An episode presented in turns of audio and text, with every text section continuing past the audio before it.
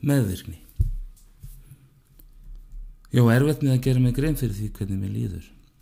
Ég gerir lítið úr, breyti eða afnetta því hvernig mér líður. Mér finnst ég algjörlega óeigingjarn og einarlega helgaður velfarið annara. Jó, erfitt með að taka ákverðanir. Ég dæmi allt sem ég hugsa, segi og geri harlega og finnst það aldrei neitt nóg gott. Ég fer hjá mér þegar ég fæði viðkenningu, rós eða gjafir. Ég byrð aðra ekki um að mæta þörfu mínum eða þrám. Ég tek álit annar á hugsunum mínum, tilfinningum og hegðun framöðu mitt eigið. Mér finnst ég ekki vera manneski sem hægt er að elska og virða. Ég breyti gildum mínum og heilindum til þess að forðast höfnun eða reyði annara. Ég næmi fyrir því hvernig öðrum líður og mér líður eins og þeim. Ég er framúrhófið að trúr fólki og kemur því ekki nógu fljótt úr skadalugum aðstæðum. Ég met skoðanir og tilfinningar annara meir en mína eigin og er hrettur við að láta álit mig til ljós ef ég er ósamal einhverju. Ég set áhugamölu mín og tómstundi til að hlýðar til þess að gera það sem aðri vilja. Ég sætti mig við kynlíf þegar ég vil ást. Mér finnst annað fólk ófært um að sjá um sér sált. Ég reyna að samfara aðra um það hvernig þeim á að finnast og hvernig þeim líður í raun að veru. Ég fyllir skremji þegar aðri leiða mér ekki hjálpa sér. Ég gef öðrum ráð og leiðbynningar og spurður. Ég helli gjöfum og greiðum yfir þá sem ég þykja vendum. Ég nota kynlíf til þess að öðlast viðkenningu. Fólk verður að þurfa mér að halda til þess að ég geti átti sambandi við það. Þetta eru enginni meðverkni. Afnýtun, lítið sjálfsverðing, undanlátsemi og stjórnsemi. Meðvirkni er sjúkleiki sem tærur upp sál okkar. Hann hefur áhrif á allt okkar líf, fjölskyldur okkar, börn, vini, skildminni, fyrirtæki okkar og frama, hilsu og andlegan þróska. Hann er hamilandi og ómeðhöndlaður hefur hann eðilegjandi áhrif á okkur sjálf og aðra en frekar.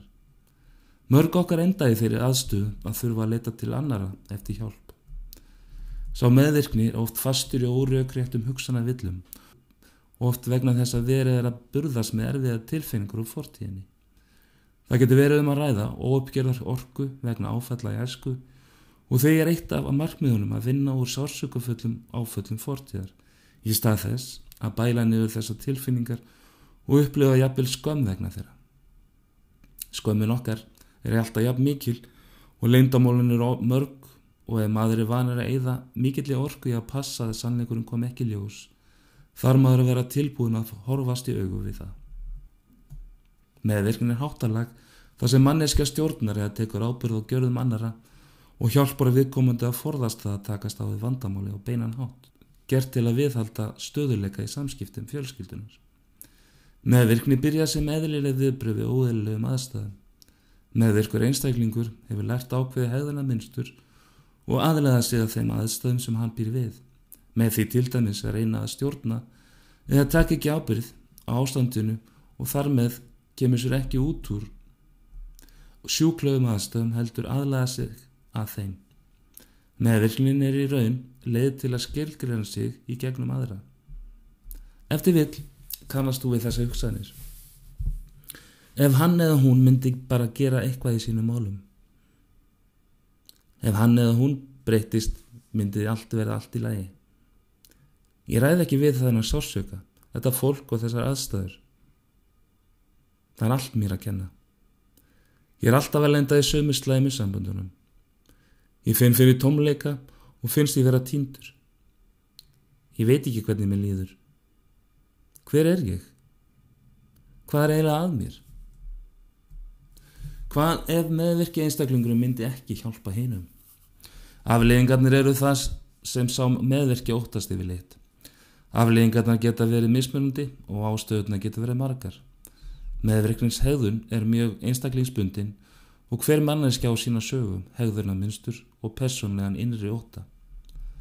Þegar fólk far hjálp við meðverkni er mikilvægt að átta sig á hvernig meðverknin hefur mótast, hvað viðhöldur henni og hvers vegna fólk þorir ekki að sleppa henni. Það er líka mjög mikilvægt að byrja að stíga fyrstu skrif til breytinga. Það er ekki nóg að skilja hvernig eitthvað virkar, ef það er ekki að gera gagn þá er mikilvægt að breyta því. Það þarf ekki að taka stór stök til að byrja með. Fyrstu skrefin eru oft mjög erfið og því eðlilega eru þau minni.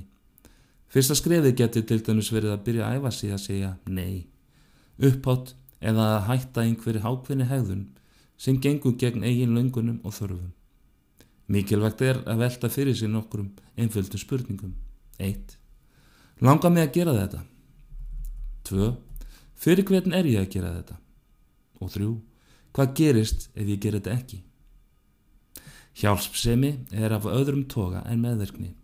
Þegar við hjálpum einhverjum er það út frá, út frá væntum þykji eða við finnum til samúðar. Við kjósum af eigin frumkvæði að vera til staða eða gera eitthvað fyrir aðra mannesku og svo hegðun stríðir ekki gegn eiginlöngunum og þörfum. Hún er ennfremur ekki drifin áfram á ótta við hvað getur gerst ef við hjálpum ekki. Þegar við hjálpum annari mannesku erum við ekki að taka ábyrjuna frá henni, stjórna eða láta stjórnast af henni. Meðverkir einstaklingar hefur ofta tíðum erfitt með að láta meðverkri hegðun, þóra því ekki og finnst að þeir sé að breyðast þeim sem þeir eru meðverki með. Já, en ég er bara hjálp um honum er setning sem er mjög algeng hjá þeim meðvirka. Það sem fær okkur til að leita aðstóður eru miklir erfiðleikar eða áföll eins og hjónaskilnaður, sambandslit, fangelsisfrist, sjúkdómar eða sjálfsmást tilrönd. Sum okkar eru þreytt, örvendinga full eða brunnin upp. Við þráum breytingu og það strax. Við viljum losna við eimdina. Okkur langar til að vera ána með sjálf okkur og finna lífsvillingu. Við viljum heilbrigð og farsæl sambönd. Maður þarf líka að vera tilbúin að skoða samböndi sem maður á að baki. Þeir sem eru meðvirkir laðast ofta spennandi fólki annars vegar og hins vegar fólki sem þarnast þeirra. Ástæðin er skert sjálfsmatt og þannig finnst þeim eftirsóknarvert að umgangast þá sem mikið ber á eða þá sem þarnast þeirra mikið. Sá meðvirki reynir að breyta sér í þá mannesku sem hann telur að hinn aðilin vilji og gerur þau minnstök að fara frá þeirri personu sem hinn aðilin varð ástfangin af í aðra personu sem hinn aðilin kæri sér ekki um. Bæði þessi sambund eru dæm til að mistakast ef ekki er gripið í taumana og unnið að uppbyggingu. Breytingarna byrja með okkur eigin með, meðvitund. Það getur verið gott að skrifa niður hverju þú vilt breyta í lífi og hvað skrefa og taka til að koma þessari hegðun á. Það má alltaf rekna með því þegar tekist er á við breytingar að við missum jafnvægið. Já, þetta með andliti í stjettina og gamla hegðunir með tilherandi tilfinningarúsi riðist aftur inn í líf okkar. Þá skiptir málega við séum góðið okkur sjálf, önnumst okkur áfram en skommast okkur ekki og hlaupum í félur. Endur batinn snýstum hann á jafnvægi og halda því og vera meðvitu um að gera það sem við vitum að er gott fyrir okkur í slíkum aðstæðum. Stundu þurfum við að fá einhver til að hjálpa okkur og setja súræðmiðskrimun á okkur því hún er jafnvel þarna við hlýðun á okkur og við vitum hvernig hún á að nota hana en vanda kraftin til að setja hana upp. Þegar hún er komin að sinn stað er það okkar að draga andan djúft og fara það vel með okkur að súræðmiðskamturinn dýgin sér lengst. Leiðin út úr meðverkni er lífstíðað verkefni og ekki eins hjá neinum. Lífið er vinna og því meira sem við leggjum í þá vinnu má vænta betri uppskjöru. Fyrsta skrifið er alltaf átt að segja á því að maður vill breyta einhverju og þar með auka lífskeiði sín. Við eigum þetta eina líf og því er mikilvægt að við lifum því eins vel að við getum með því að staldra við og skoða hvað það er sem við getum gert betur og styrkja okkur sjálf í framaldi á því. Erum við kannski að taka fyrsta skrifið en jáfnframt það mikilvægst er átt að betra lífi. Við kynna að mikilvægsta sambandi í líf okkar er við okkur sjálf. Að lokum vil ég minna á grundvallar réttindi að hverja mannesku í mannlegu samskiptum. Þú átt rétt að segja nei og standa við það. Þú átt rétt á að sleppa því útskýra eða réttlita þína eigin hegðun. Þú átt rétt á að aðri síni þeir virðingu. Þú átt rétt á að skiptum skoðun. Þú átt rétt á að vera ósamála skoðunum annara. Þú átt rétt á að gera mistök og rétt á að taka ábyrg á þeim. Þú átt rétt á að segja, ég veit það ekki. Þú átt rétt á að taka óskimsamlegar ákverðanir. Þú átt rétt á að segja, ég skil ekki. Þú átt rétt á að segja, mér er alveg sama. Þú átt rétt á að taka ekki ábyrð á gjörðum annara. Þú átt rétt á að meta eigin hegðun, hugsanir og tilfinningar og taka ábyrð á þeim og afleggingum þeirra gafkvært sjálfur þér.